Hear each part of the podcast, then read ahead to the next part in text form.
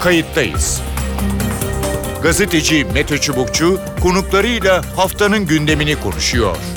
Tarihi yaşarken olaylara kayıtsız kalmayın.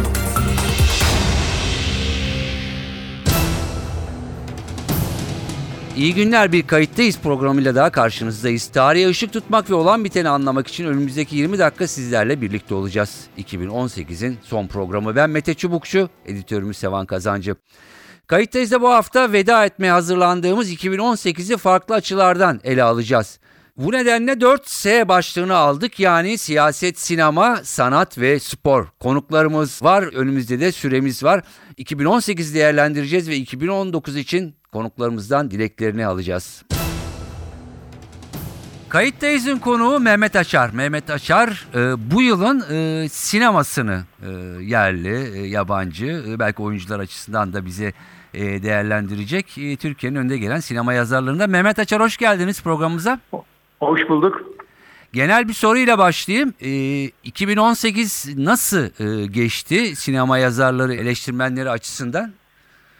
E, Valla aslında bence güzel bir yıldı. Yani şöyle yıl sonu değerlendirme yaptığımda en az bir 20 film e, çıktı. İyi bir, iyi olarak gördüğüm, sevdiğim, etkileyen, aklımda kalan filmler oldu. Evet. O kesin. E, Türkiye açısından baktığımızda da yine yerli filmlerin seyredildiği bir yıl oldu. Gişede geçen yılın çok altında kalmadı rakamlar. Hı hı. Ya o hedef e, kişi başına bir bilet sayısı satma hedefi var biliyorsun Türkiye için. Hı hı. Buna tam yaklaşılmadı fakat yine 60 milyon üzerinde bilet satıldı. Önemli şeyler bunlar çünkü Türkiye hala Avrupa'da kendi filmlerini seyreden ülkelerden bir tanesi. E, bu önemli. Evet evet önemli bir olay. Bu devam ediyor hala. E, peki bu yıl yani arttı mı biraz daha? Ne dersin? Var mı öyle bir hani bir aklında Ya istatistik? şöyle geçen yılı çok geçilmedi fakat e, şu rakamlara bak rakamlarına ulaşmış değil. Hı. Fakat geçen yıl çok iyi bir yere gelmişti zaten.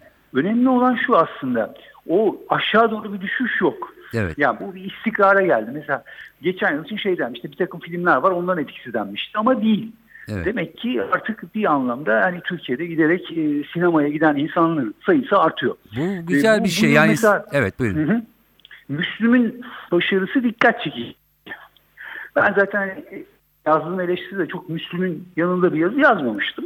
Eleştirdiğim noktalar vardı. Fakat bence başarısı önemli. Çünkü e, Müslüm bu kaba komedilerin, güldürü filmlerinin o tahtını biraz sağladı. Yerli komedilerin. Evet. Çünkü insanlar hep şuna inanıyorlardı yapımcılar. Yani Türkiye'de pek dram türü tutmaz. Yani ya ağlatan film tutuyor ya işte çok güldüren film tutuyor. E, dram filmleri daha az çekiliyordu. Müslüm'ün özelliği hem bir biyografi olması hem de e, hakikaten özenli bir yapım olması. Prodüksiyon olarak da özenli bir yapım olması. Çünkü o komediler çok düşük bütçelerle çekiliyordu ve çok kaba komediler onlar. E, ve hakikaten e, insanlar o filmlerle çok büyük karlar edebiliyorlar. Bütün yatırımlar komediye yapılıyordu. Şimdi Müslüm'den sonra bu biraz değişebilir. Ayla ve Müslüm peş peşe iki yıl böyle 6 milyona yakılan seyirciler e, önemli. O yüzden bunların da ben yapımcıları etkilediğini düşünüyorum. Önümüzdeki yıllarda daha çok gerçek hayat hikayesi, daha çok biyografi seyredeceğimizi düşünüyorum. E, bizim böyle toplumsal hayatımızda önemli rol oynamış insanlar ki bunlardan bir tanesi mesela Naim Süleymanov onun filmini seyredeceğiz. Evet. Karşımıza daha çok çıkacağını düşünüyorum. Güzel. Bu yani önemli bir şey. Evet yani e, hem e, Türk sinemasının biraz e, e, ne derler belki ray değiştirmesi e, ama söylediğin e, sinema seyircisi Evet. yerli ve yabancı e, sinemaya gitmeye e, başladı Evet. artarak da devam ediyor. Peki Evet. e, Türk sinemasından devam edelim. Müslüm e, Müslüm dedin. E, başka e, mesela bu seneye dair e, neleri sayabilirsin? E, evet bu Benim sene. hemen ilk aklıma gelen film tabii ki Ahlat Ağacı. Ben Ahlat Ağacı'nı çok beğendim. beğendim. Bence bu yılın en iyi yerli filmiydi. Aynı zamanda benim yabancı film listemde de hazırladığım o yabancı film listesinde de e, üçüncü sıradaydı. Yani bence e, yerli yabancı fark etmiyor. Gerçekten Ahlat Ağacı yılın en iyilerinden birisiydi. Ondan sonra Kelebekler vardı. Kelebekler de çok başarılıydı. Onu da çok beğendim. O da yılın en iyi 20 filmi listemde yer alıyor Kelebekler'de. E, Kelebekler Sundance'de ödülle başladı zaten. Diğer katıldığı festivallerde ödül aldı. Şimdi şöyle bir şey de var. Ahlat Ağacı'da Kelebeklerle buna iyi seyirciler yaptı. Yani sanat filmlerinin böyle bir kısıtlandığı bir 30 bin seyirci var. Hı hı. Maksimum 30 bine çıkıyordu işte. Nuri Bilge Ceylan önceki filmleri hep bunu kırıyordu. Bir zamanlar Anadolu'da işte Kış Uykusu bunu kırdı. Ahlat Ağacı da kırdı. 3 saat 15 dakikalık diyaloğa dayalı bir filmin 200 işte 200 bin seyirciyi geçmesi önemliydi. Kelebekler de e, yanılmıyorsam tam net rakam hatırlamıyorum ama 70 bin civarında hatta onun üstünde bir seyirci topladı. E, bu sanat filmlerinin e, seyirci sayısının artması da önemli. Önemli. E, çünkü bu filmler o rakamlara ulaştıkça e, kalite seyir yani kaliteli bir film seyircisi de yavaş yavaş oluşacak. Evet. Bizim en çok Türkiye'de en çok aradığımız şey bu. E, kaliteli filmin seyircisinin artması. Artması. Hı hı. Evet, Biz sadece eleştirmenlerin en çok istediği şey Evet, bu. bu Sadece- artarsa çünkü yükselecek. ko- komediyle ya da hani daha e, Evet. biraz daha şey yaparsak genellersek kaba komediyle sınırlı kalmasın diye. Peki e, dünya sinemasına e, geçecek olursak me- mesela ilk üçüne neler girdi 2018'de? E, Valla Roma benim için çok iyi bir filmdi. Alfonso Cuarón'un filmi. Onu çok beğendim. O zaten e, Venedik'te Venedik Film Festivali'nde açıldı. Oradaki dünya premierinden sonra hani hakikaten böyle bir şey oldu. Herkesin çok beğendiği bir film oldu eleştirmenler açısından. E, Roma çok duygusal bir film. Yani seyirci filmi aynı zamanda. Seyirci de çok yakalayan bir film. O e, bence onun Oscar'da da bayağı onun adını duyacağız, Duyacağız. gibi geliyor bana. Hı hı. O böyle bir klasik gerçekten son yılların en iyi filmlerinden bir tanesi. Kuşkusuz beğenmeyen de var Ee, ama e, genel olarak ağırlık olarak böyle baktığınızda listelerde yılın en iyi filmlerinden birisi. Sadece benim listem değil birçok eleştirmenin, birçok yazarın listesinde birinci sırada yer alıyor. Peki. Ee, Ondan sonra benim mesela bu e, sevgisiz e, Rus filmi Andrei Zvyagintsev filmi Türkiye'de işte 2018'de gösterildi. Sevgisiz. Ben onu çok beğeniyorum. O çok iyi bir filmdi. Bu yıl e, Black Klansman Karanlıkla Karşı Karşıya o Amerika'nın bugününü çok iyi anlatan film olduğunu düşünüyorum. Trump dönemi Amerika'sını 1970'li yıllardaki Ku Klux Klan hikayesiyle e, Trump dönemi Amerikası arasında çok iyi bağlar kuran, e, o meseleyi çok iyi anlatan bir film. E, Spider-Man'in Spider Örümcek Adam Örümcek Evreni'nde yine bu çok kültürlülükle ilgili güzel bir film olduğunu düşünüyorum onun. E, o da bir hem süper kahraman filmi hem animasyon. Yani bu akılda kalan önemli filmler. Filmlerden, hı. Ama bu Amerika'dan gelen genelde bu ırkçılık karşıtı, ayrımcılık karşıtı filmler mesela Widows vardı, Dul Kadınlar. Türkiye'de o kadar çok ilgi görmüyor nedense. Ee, Oradaki o politik duyarlılık buraya pek yansımıyor. Burada pek seyirci yapmadı bu filmler. Pek ilgi de görmediler ama bence e, bu yılın dikkat çekici önemli filmler Evet. olduklarını düşünüyorum. Belki de pek duyulmadı. Ee, belki senin e, bu tavsiyelerinden sonra bilmiyorum sinemalardan kalktıysa bile insanlar bulmaya çalıştılar. Oscar'a ne, ne, ne dersin Oscar için? Ee, ya orada da şöyle var. Bence karanlıklarla karanlıkla karşı karşıya Black Klansman e, ve Roma onlar e, şanslı görüyorum. Bir Yıldız Doğuyor yine Türkiye'de pek beğenilmedi, ilgi görmedi. Hatta bu filmin Oscar'da ne işi var dendi ama o film Amerika'da çok sevildi. Her şeyle sevildi. Lady Gaga'nın oyunculuğuyla, Bradley Cooper'ın yönetmenliğiyle çok sevildi. O film de öyle. Ayda ilk insan var, First Man. O da var. Bunlar böyle e, dul kadınlar. Bir de Green Book. Green Book da yine güzel bir film. Yine ırk ayrımcılığını, Amerika'nın ırk ayrımcılığından bir sayfa açan bir film. Yeşil Rehber diye gösterildi Türkiye'de. O da yine Türkiye'de çok fazla ilgi görmedi. İlginç bir şekilde bu Oscar filmleriyle Türk seyircisi arasındaki makas giderek açılıyor son yıllarda. E, bir şekilde oradaki e, tuhaf bir şekilde daha az ilgi görüyor. Bu filmlerin ben bu bahsettiğim filmlerin Oscar gösterildiğini tahmin ediyorum. O zaman belki yeniden gösterilme girer biraz daha çok ilgi görebilir. Çünkü Peki. bunlar bahsettiklerim e, kötü filmler değiller. Değil. Peki. Ee, Mehmet Acar çok teşekkür ediyorum değerlendirmen Ben için. teşekkür Ee, 2019 için e, kısa bir dileğini e, alayım. Yani e, her şey için olabilir. Türkiye, dünya, sinema e, kendin için. Buyurun.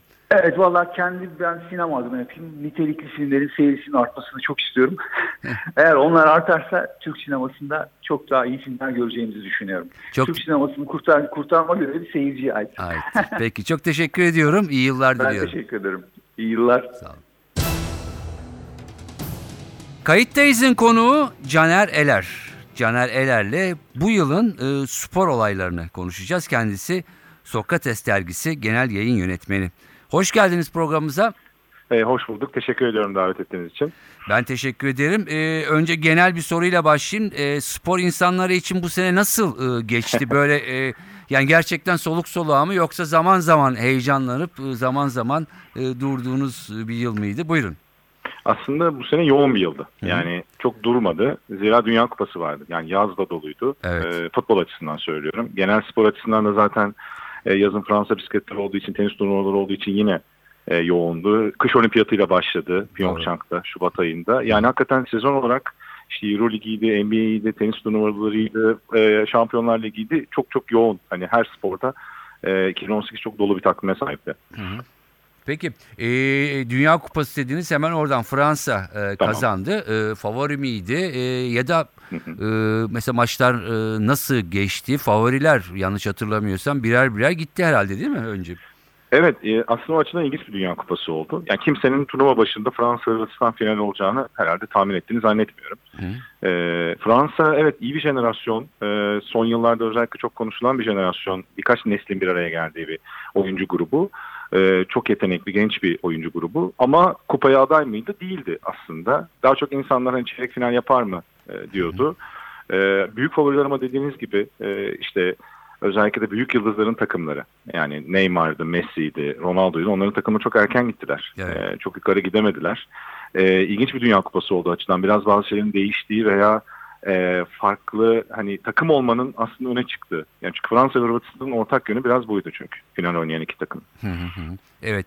E, peki e, hayal kırıklıkları neydi? Oyuncu, hangi oyuncular çıktı öne? E, çünkü bazı Dünya Kupalarında hatırlarım hep böyle bir iki oyuncuyla hep anılırdı. Bu Dünya Kupası'nda var mı yoksa hani genel dediğiniz gibi takım oyunu mu öne çıktı? Aslında tabii öne çıkan isimler var. Her zaman o bireyler öne çıkıyor. Ama çıkan bireyler mesela en önemli isim e, turnuvanın da yani kupanın da en iyi oyuncusu seçilen Luka Modric Hırvatistan'ın e, lideri. E, bir takımın yani takım e, olgusuyla oynayan, bireyler üzerinden yükselmeyen, takım olmayı başaran bir takımın lideriydi. O açıdan ilginç bir en iyi oyuncu seçildi. Modric e, mesela Real Madrid'de de en büyük yıldız değil ama olmadığında mesela geriye giden bir takım oluyor. O iyi oynamadığında. Aslında gösterişsiz de e, çok etkin olabildiğini e, ve liderlik yapılabileceğini gösteren biraz sessiz de bir lider Modric. Mesela o açıdan ilginç bir figür e, açıkçası. Bu sene dünya futbolunun en, zaten bütün ödülleri de topluyor farkındaysanız. Doğru. İşte Ballon d'Or'u da aldı. Onun yanında da Kylian Mbappe. E, müthiş bir genç yetenek olarak parladı. Şimdiden işte e, Maradona'nın aynı yaştaki ya da Pele'nin aynı yaştaki ve işte Messi'nin aynı yaştaki performansıyla karşılaştırılıyor. Yani daha 19-20 yaşına gelmişken elde ettikleri inanılmaz tabii. Şimdi Paris Saint Germain'de de e, çünkü çok çok formda, çok iyi ilerliyor. E, mesela bu iki isim tabii öne çıkıyorlar Dünya Kupası'nda özellikle yıldız olarak. Zaten ödülleri de onlar aldı. Biri genç oyuncu ödülünü aldı, biri de e, turnuvanın e, oyuncusu ödülünü aldı. E, futbolla başladık. E, futbolla Hı hı. devam edelim. Türkiye'ye e, isterseniz e, dönelim burada. E, Türkiye'de e, Galatasaray şampiyon oldu değil mi? 21. şampiyonluğunu e, Evet. ilan etti. Peki bu ve ardından gelen e, öne çıkan mesela futbolla, kulüplerle ilgili e, gelişmeleri isterseniz konuşalım. Buyurun. Aslında bu sene en çok e, ekonomi konuşuldu. Yani Türkiye'deki konuşulan şey biraz futbolda konuşuldu. Zira e, bütün o euro dolar değişimi işte kur değişimi futbolda çok derinden etkiledi. Hı. Yani ekonomiyi. E, farkındaysanız mesela şimdi 2018'de yine etkin olan büyük takımlar e, yazın özellikle çok sert bir kur değişimiyle beraber e, ciddi bir bunalıma girdiler ekonomik olarak. Önemli oyuncularını kaybettiler ve yerine istedikleri oyuncuları da alamadılar. Ve şu an ligdeki tabloya baktığınızda da e, hem Galatasaray hem Beşiktaş hem Fenerbahçe geriye düşmüş durumda. Son yıllarda kriz yaşayan Trabzon ise o işte tasarrufla beraber girdiği sezonda çok daha takım olmayı başarıp mesela daha yukarı çıktılar. E, Evet. Üç büyükler yani dört büyükler içerisinde. E, Başakşehir zaten o konuda sistem anlamında e, son yıllarda başka yönlerden eleştirilen e, işte hani kuruluşu ve Hı. takımın kimliği olarak, seyircisizliği olarak eleştirilen ama takımın içindeki organizasyon açısından da öne çıkan oldu e, bu sene başladığında lig. Geçen sene zaten şampiyonluk mücadelesi vermişlerdi. Ama şu var, Türk futbolunda en önemli ortaya çıkan konu iyi yönetiliyor mu yönetilmiyor mu tartışması ki e, yönetilmediği açıkçası görülüyor birazcık. E, genel olarak milli takımında bir değişimi söz konusu ama milli takım üzerinden değil de genel Türkiye'deki futbolun Evet. iklimi açısından bir sorun var. Yani işin şiddeti, e, taraftar ilişkileri, e, ekonomisi, geçmişten e, açıkçası birçok hata yapılması ve birikimle beraber şu an bir krizde aslında. Evet futbol. milli takımında Evet. başarısızlığı değil mi bu sene yanlış hatırlamıyorsam yani e, Evet.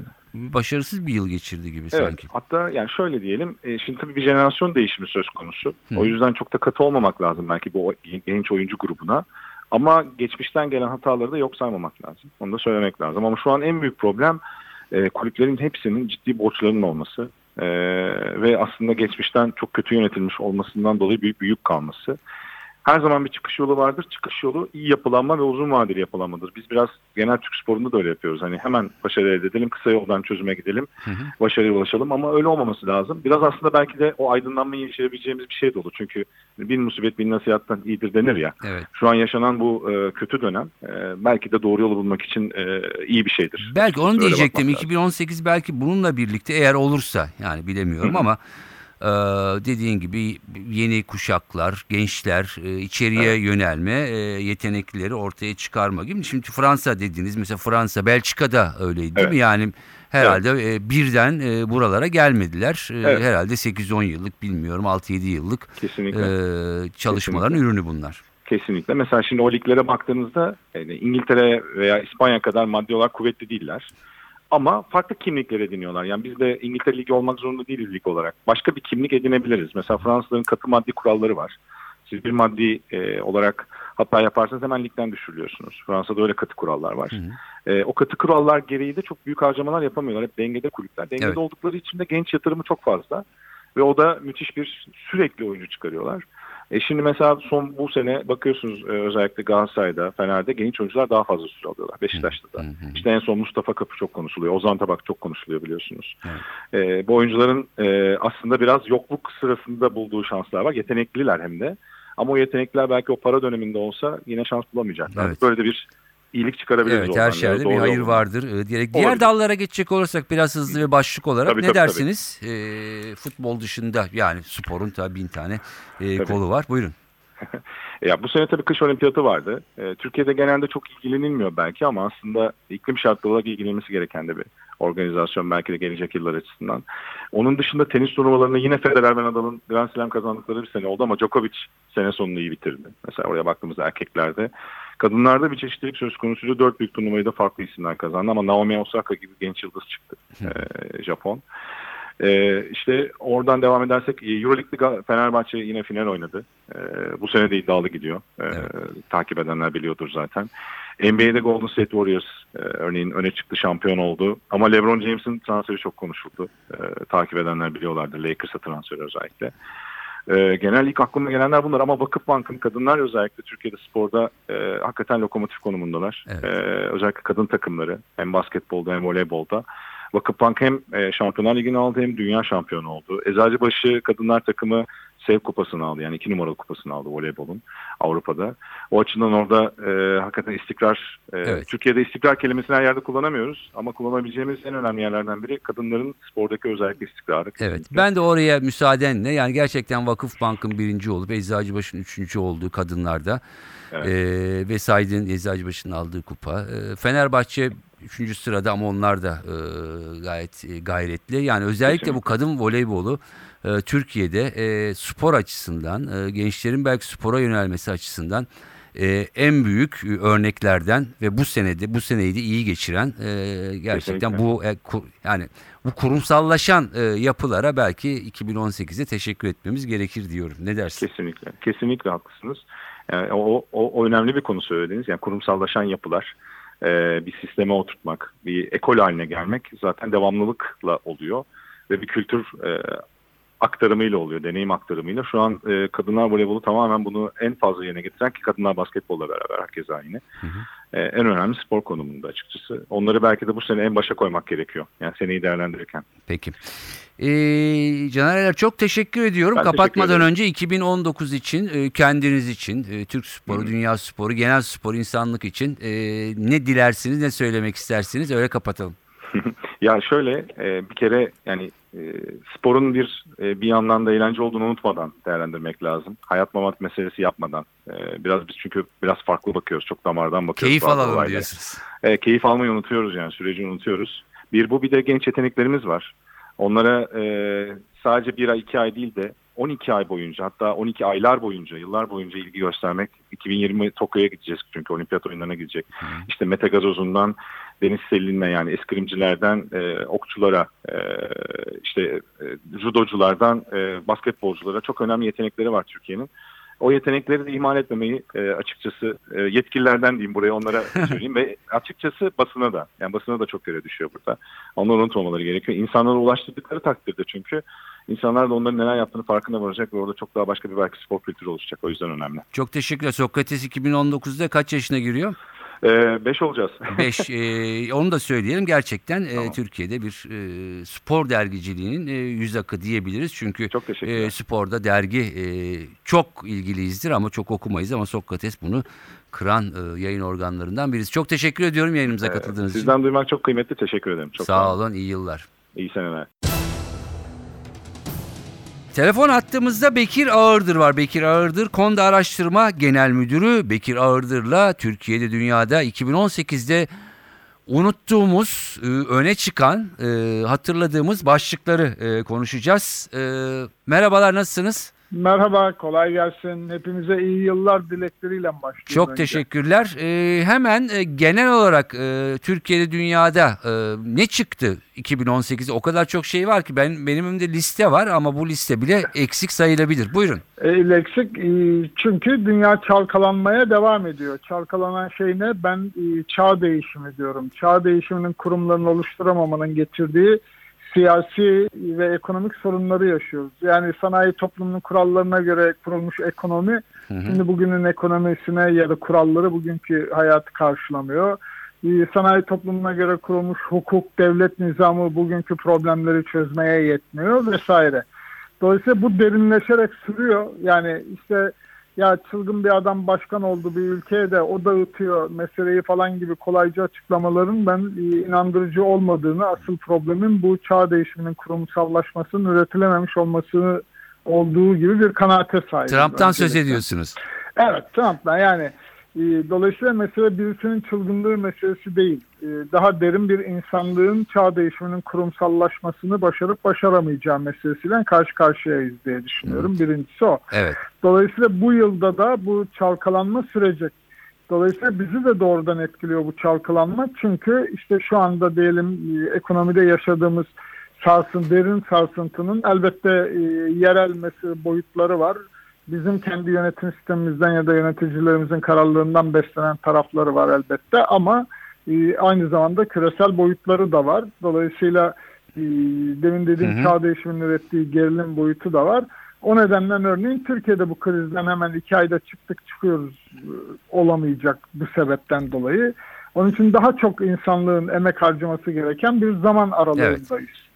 E, Birincisi bu. Evet yani bir, İkinci- bir, bir, bir tür zamanın ruhundan bahsediyorsunuz. Evet, Ee, evet, Yani her evet, tarafa evet. sirayet eden ve o şekilde bu olumlu da Aynen. olabiliyor zaman zaman olumsuz da ama E, bizim... tabii tabii tabii tabii yani tümülen kategorik olarak olumlu olumsuz demek zaten doğru değil. Sonuç olarak insanlığın meselesi bu yeni çağa uygun sistemleri inşa etmek meselesi Peki. itibariyle. İki diyordunuz buyurun. E, ikincisi işte bölgesel diye görüyoruz. Suriye diye ya da e, bizi ilgilendiren tarafıyla sadece meselenin meşgulü sanıyoruz ama dünyanın aynı zamanda e, sanayi toplumu ya da bilgi toplumuna geçiş gerilimi ürettiği kadar aynı zamanda e, siyasi olarak da yeniden bir denge oluşması lazım. Yani şu anda görünür Rusya e, ve işte bölge ülkeleri ve batı gibi görülen gerilim hani eski 30 sene öncenin soğuk savaş yıllarındaki kadar tanımlanabilir bölgesel bir yere dönmeyebilir ama yine de farklı coğrafyalarda farklı siyasi aktörlerin öne çıkacağı yeni bir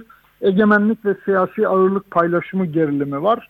Bu da daha bir sürecek ama bu yıl yani 2018 o gerilimin de daha net görünür olduğu bir süreç oldu Hı hı. e, bir yandan. Bir üçüncü gerilim var ekonomik mesele. Yani Çin'in ekonomik ağırlığı artıyor diyoruz hep beraber.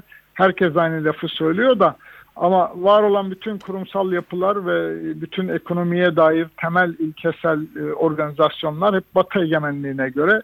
E, Çin'in ağırlığı hatta Türkiye'nin, Brezilya'nın gibi kalkınmakta olan yeni diğer ülkelerin de dahil olacağı yeni bir paylaşım ya da organizasyon ihtiyacı var. E, onun gerilimlerini yaşıyoruz bir yandan ya da insanlık onları yaşıyor. O da daha bir süre daha sürecek. Dolayısıyla ben 2018'in gerilimli geçtiği gibi bir kanaate sahibim ama umutsuzluk üreten değil, bizim önümüze ödevler koyan Evet. bir süreç oldu da insanlık o ödevleri ne kadar anladı ya da siyaset yapıcılar ne kadar anlıyor o tarafı ayrı tartışma. Hı hı. Bu anlamda e, bu geçiş döneminin e, 2019'da devam edeceğini düşünüyor musunuz? Yoksa 2018 kırılma 2019'da Yok henüz sürecek. Henüz sürecek çünkü benim gözleyebildiğim kadarıyla bu sözünü ettiğim meselelerin hiçbirinde henüz dünyadaki hiçbir aktörün Türkiye'de dahil sağlam bir senaryosu yok. Sadece güne göre herkes bir denge tutturmaya çalışıyor. Yani beşik gibi sallanıyor diyoruz ya. evet. Ee, insanlık beşik gibi sallanıyor. O sağlam senaryo olmadığı için de herkes sadece şimdilik ayakta durmaya çalışıyor. Günlük çıkarımlar, günlük e, fayda çıkarlar peşindeyiz hep beraber bütün ülkelerde, Türkiye'de. Ama asıl kalıcı inşai faaliyetine henüz insanlık başlayabilmiş değil. Hı hı. Onun için daha bir süre daha bu gerilimin süreceği gibi bir kanaatim var. benim. Evet yani bir şeyler e, çökme anlamında değil. E, tabii. hiçbir De- şey de- değiş- olmayacak Evet. Bey. Yani bu iş yapma kuralları ya da medya kavramı bile bu kadar değişmişken hani anlatmaya çalıştığım o e, hiçbir şey eskisi gibi olmayacak. Hı hı. 2019 Bunun kurumları yok elimizde sadece sorun o ve kuralları açık değil henüz. Umarız bu daha çok daha az e, sorunla e, daha az tökezlemeyle e, en azından yolu bulunur. Ya da hani Birinci Dünya Savaşı, İkinci Dünya Savaşı gibi büyük gerilimlerle yaşanmadan geçsinini temenni etmekten ve bunun için hep beraber çabalamaktan başka henüz şu an aşamada elimizden bir şey gelmiyor doğrusunu isterseniz. Evet. E, Türkiye'ye dönecek e, olursak e, değil mi 24 Haziran e, Cumhurbaşkanlığı Evet. seçimi e, ve e, belli bir alanda Milletvekilliği seçimi. Yani dört buçuk yılda altı kere sandığa gittik. Yedi farklı şey için oy attık. Şey derken yanlış kelime kullan. Yani bir referandum Hı hı. altı kez de e, bizi yöneteceklere dahil iki kere baş- cumhurbaş, bir cumhurbaşkanlığı bir yeni bir sistemde cumhurbaşkanlığı iki kere gene üç genel seçim yaptık arada. E, baktığınız zaman siyaseten bir 51-49'a e, kitlenmiş bir muhalefet ve iktidar bloklaşması var. Hı hı. E, üç aşağı beş yukarı milyon sayıları, seçmen sayıları ya da oy sayıları değişiyor gibi olsa da hani kabaca 51-49'a oturmuş bir e, ben siyasi denge var. E, bu siyasi dengenin asıl sorunu hani denge hali belki sorunu ima etmeyebilir ama bizdeki mesele bizdeki siyasetin kimliklere ve kutuplaşmalara sıkışmış olması. Dolayısıyla 51-49 e, denge yer değiştirseler bile kimliklerin içinde kaldığı sürece partiler ve ülke yönetiminde bir kimliğin tercihleri öne çıktığı sürece Hı hı. bu buradan çıkışımızın olmadığı gibi bir fikir var benim ya da kanaatim var. Dolayısıyla affedersin Türkiye'nin meselesi bir kimliğe göre yeniden Türkiye'yi inşa etmek değil, hepimizin içinde onur duyarak yurttaşıyım diyeceği bir ülkeyi ve ortak kaderi inşa etmek meselesi. Bu da işte kimliğin dışında düşünmek ve hepimizin bir arada olmasını ortaya koymak ya da onu kapsayan bir ütopya üretmek demek. Henüz bizim siyasetçilerimiz ne dünyadaki bu temel çalkıntıyı ne de Türkiye insanının bu ihtiyacını e, kavramış gibi görünmüyorlar. Dolayısıyla denge henüz çok da değişmeyebilir bir yandan. Ama bir yandan da başka bir belirti var. Ee, Bu çok daha uzun boylu tartışmayı düşünmeyi hak ediyor ama yine de hemen iki cümleyle söylemeye çalışayım. Bütün bu sözünü ettiğimiz o dengenin oturduğu kutuplaşma sonuç olarak kültürel kimlikler üzerine yani siyasi tercihler üzerine oturuyor gibi görünüyor. Yani AK Parti yandaşlığı karşılığı gibi ama bir yandan da asıl bir kültürel kimliklere yaslanan yani muhafazakar seküler veya Türk Kürt gibi farklı boyutları katmanları olan bir kutuplaşma idi. Dolayısıyla kültürel kutuplaşmanın en büyük handikapı yapay olduğu için yani her kutup kendi başına hayatını idame ettirebildiği için bir ortak hayat e, enerjisi de üretmiyordu. Fakat şimdi ekonomik sarsıntıdan dolayı ekonomik dinamikler ya da sınıfsal gerilimler ve sınıfsal fay hatları harekete geçiyor. Hı hı. Bu yatay kutuplaşmanın yeniden geleneksel dikey kutuplaşmaya dönmesi işareti anlamına gelir. Yani emek sermaye çelişkisi ya da zengin fakir ayrımı diyeceğimiz şey.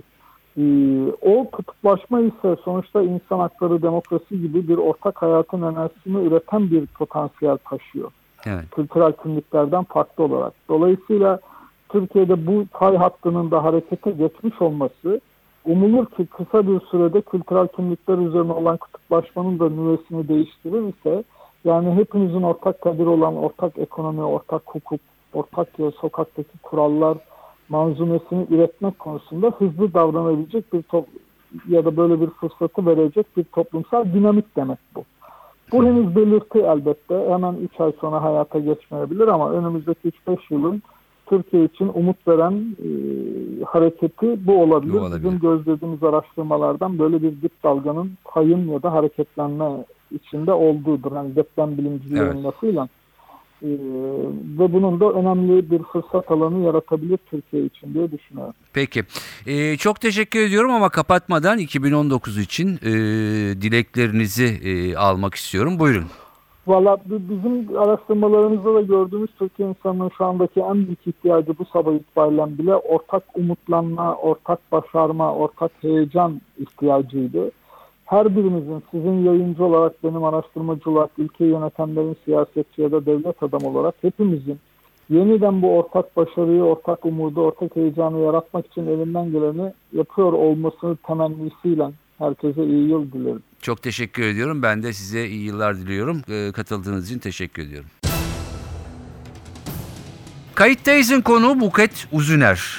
Buket Uzuner e, önemli yazarlarımızdan ve 2018'de e, Buket Uzuner'in e, biraz edebiyat dünyasına nasıl baktığı, e, kendisi için öne çıkan ya da kendisinin belki yeni sürprizleri de e, olabilir 2019'a e, doğru. E, ne dersiniz? E, Nasıl geçti 2018 edebiyat dünyası ve edebiyatçılar açısından? Ee, çok klişe bir deyim vardır. Ee, Edebiyat gerçek hayatın aynasıdır, çağının aynasıdır diye ama bazı klişeler galiba doğru oluyor. Ee, Bütün dünyaya baktığımızda 2018 yılını aslında edebiyat ve sanat dünyasında da e, büyük ölçüde yansımalarını gördük. Ee, Kitap açısından bakıldığında takip ettiğim, edebildiğim kadarıyla Türkiye'de ve dünyada çok verimli bir yıl gibi görünüyor. Fakat daha çok fantastik ve bilim kurgunun okunduğunu, rahatlıkla yazıldığını söyleyebiliriz. Evet. E, bu galiba e, gerçeklerin günümüzde dünyada ve Türkiye'de e, e, kaçış noktası gibi e, de yorumlanabilir herhalde. Edebiyat tarihçileri ileride öyle bakabilirler. E, kadın romancıların ve kadın karakterlerin öne çıktığını görüyoruz.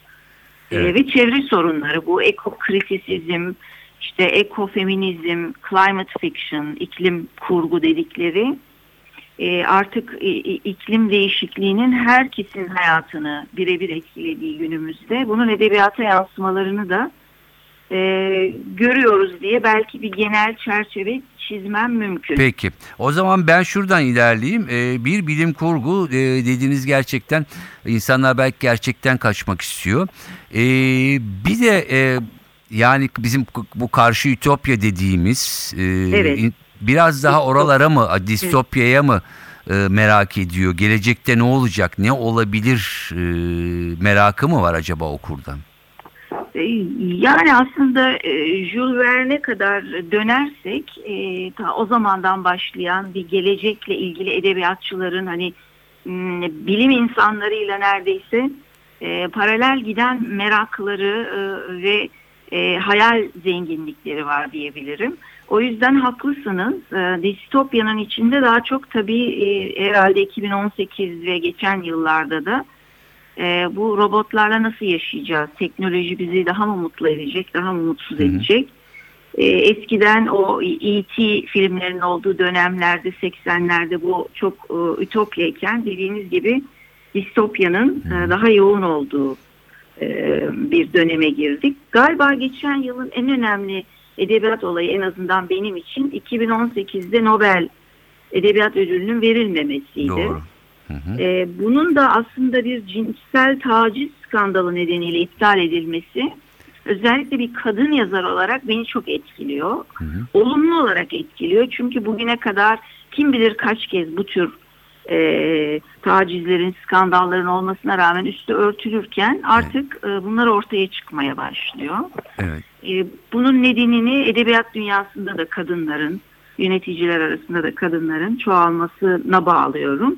Tatsız bir olay ama ortaya çıkması açısından önemli buluyorum. Evet belki de e, birbirini tetikleyen e, süreçlerde değil mi? Yani Am- Amerika'daki Me Too hareketiyle başlayan sinemada Evet. sonra edebiyata e, e, giden e, Nobel komitesiyle e, ilgili. E, ama bir duyarlılığın da göstergesi. Evet. Evet. E, Ee, ge- hı, geçen buyurun. yıl için için buyurun siz buyurun. buyurun buyurun dinliyorum.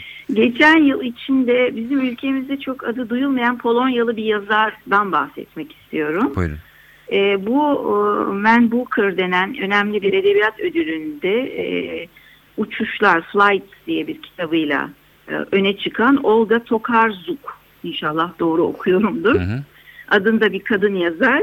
E, bizde de Aç Gözünü Artık Yaşamıyorsun başlıklı bir e, öykü kitabı çıktı. Ama çok görünen bir kitabı olmadı. Kalem Kültür Yayınları'dan yayınlandı. Bu geleceğin çok önemli, e, çok konuşacağımız bir yazarı olacağını düşünüyorum. Müthiş ironik hatta e, sert ironisi olan, e, zaman zaman distopyaya giden ama çağımızın özellikle günümüze çok uygun bir dili olan e, yazar olarak e, çok tanınmadığı için burada öne çıkarmak istedim. E, bir de e, öykücülüğümüzde Melisa Kesmez bence çok önemli bir adım attı. Nohut Oda adlı bir e, öykü kitabı bu sene. En çok keyifli okuduğum kitaplardan birisiydi.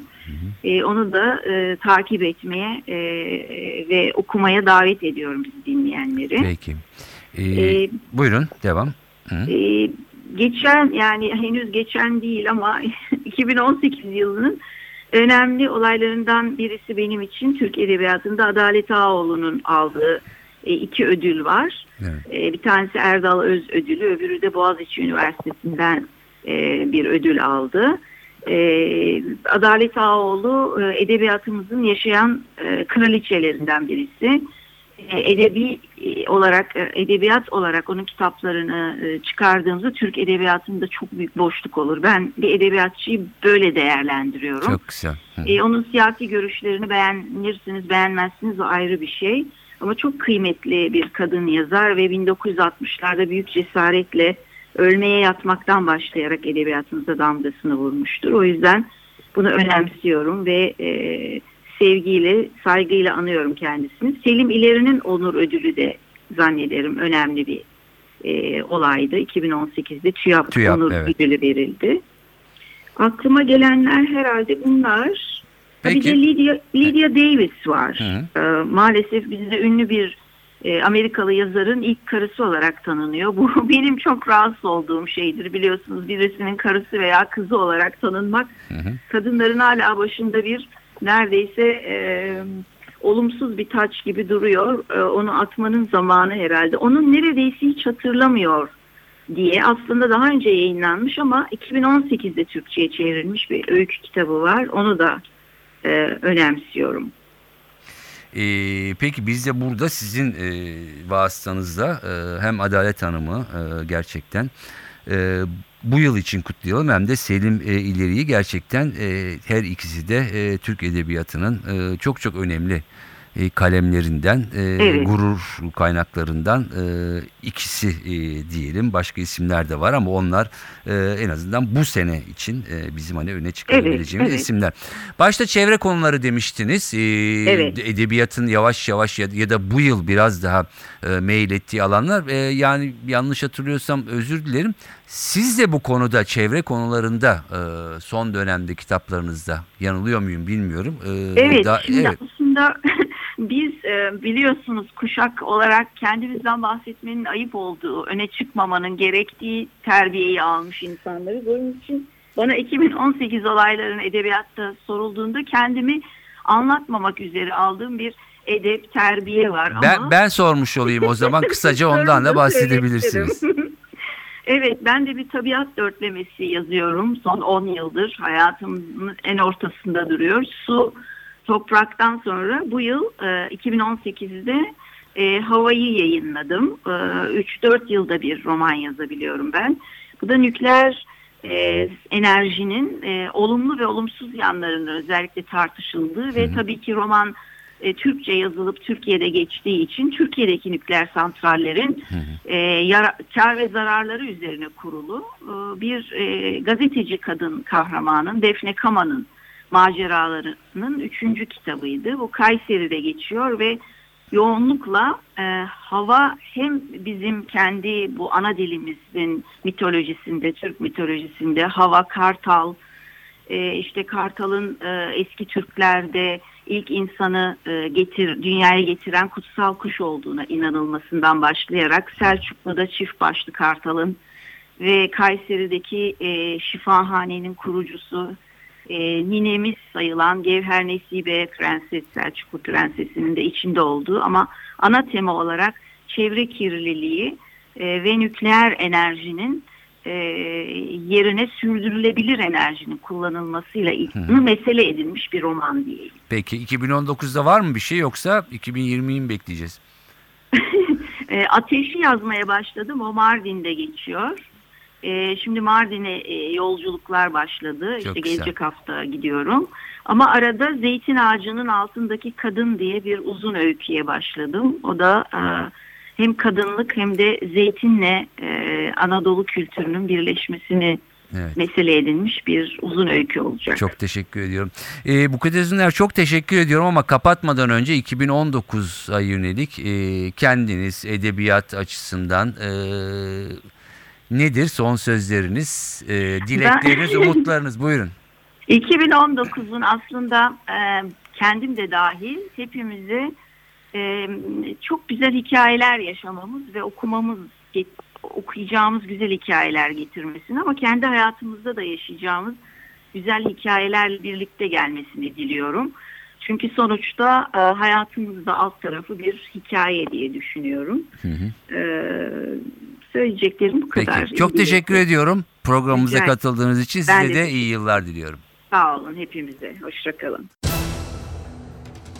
2018'i değerlendirdik. 2019'la ilgili dilekleri aldık. Ben de buradan hepimiz hepimiz için Türkiye dünya için daha iyi bir yıl diliyorum.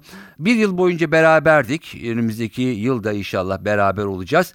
Bu yılı kapatmadan önce şunu söyleyeyim. Geçen hafta da söylemiştik.